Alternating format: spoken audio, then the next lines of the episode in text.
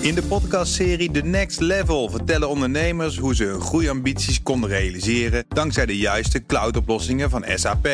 Wat waren de uitdagingen, de oplossingen en hoe ging de uiteindelijke implementatie? Benieuwd naar hun verhalen en hoe zij met behulp van SAP ook hun toekomstige ambities kunnen behalen? Luister de podcast The Next Level via de BNR-app of je favoriete podcast-app.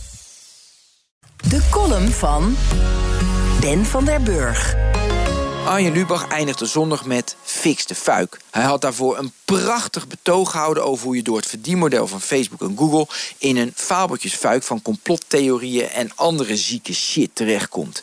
YouTube acteerde een paar dagen later door het account van Lange Frans te verwijderen, wat overigens niets met Lubach te maken had. YouTube heeft namelijk strenge regels op het gebied van haat, intimidatie en misinformatie. Lange Frans schond driemaal die communicatierichtlijnen en dan lig je eraf. We gaan de discussie over tech-dictatuur deze week niet herhalen. Ik wijd er drie zinnen aan. Een publiek bedrijf mag zelf binnen de wet zijn voorwaarden stellen. Zijn ze te machtig, dan moet de overheid de wet veranderen om die macht in te dammen. Lange Frans wordt niet monddood gemaakt. Hij kan zijn video's op zijn eigen site plaatsen. Hij krijgt alleen minder kijkers doordat hij van YouTube af is gehaald. Tot zover het clichéverhaal. Een Harvard-studie over de invloed van zieke shit op social media geeft wel een nieuw en interessant inzicht. Ze onderzochten de invloed van desinformatie op de mening over kiesfraude bij de komende Amerikaanse verkiezingen. Conclusie?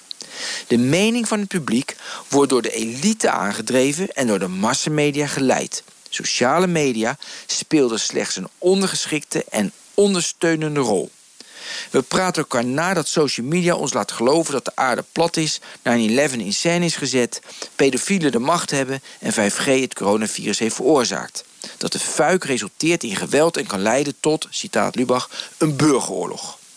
Na een analyse van 55.000 online mediaverhalen, 5 miljoen tweets en 75.000 posts op openbare Facebookpagina's blijkt dat een persconferentie van Trump, gevolgd door een bericht op Fox News of een artikel in de New York Times, veel meer invloed heeft op onze meningsvorming dan de mensen die in hun filterbubbel blijven.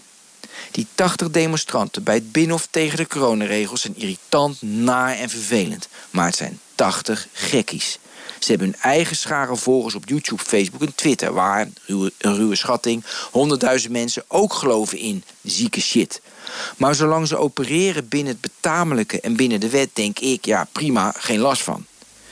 Een verhaal wordt pas echt een verhaal als Lubach zich ermee gaat bemoeien. Dan krijgen die gekkies een podium dat ze eigenlijk helemaal niet zouden moeten krijgen. In de podcastserie The Next Level vertellen ondernemers hoe ze hun groeiambities konden realiseren dankzij de juiste cloudoplossingen van SAP. Wat waren de uitdagingen, de oplossingen en hoe ging de uiteindelijke implementatie? Benieuwd naar hun verhalen en hoe zij met behulp van SAP ook hun toekomstige ambities kunnen behalen? Luister de podcast The Next Level via de BNR-app of je favoriete podcast-app.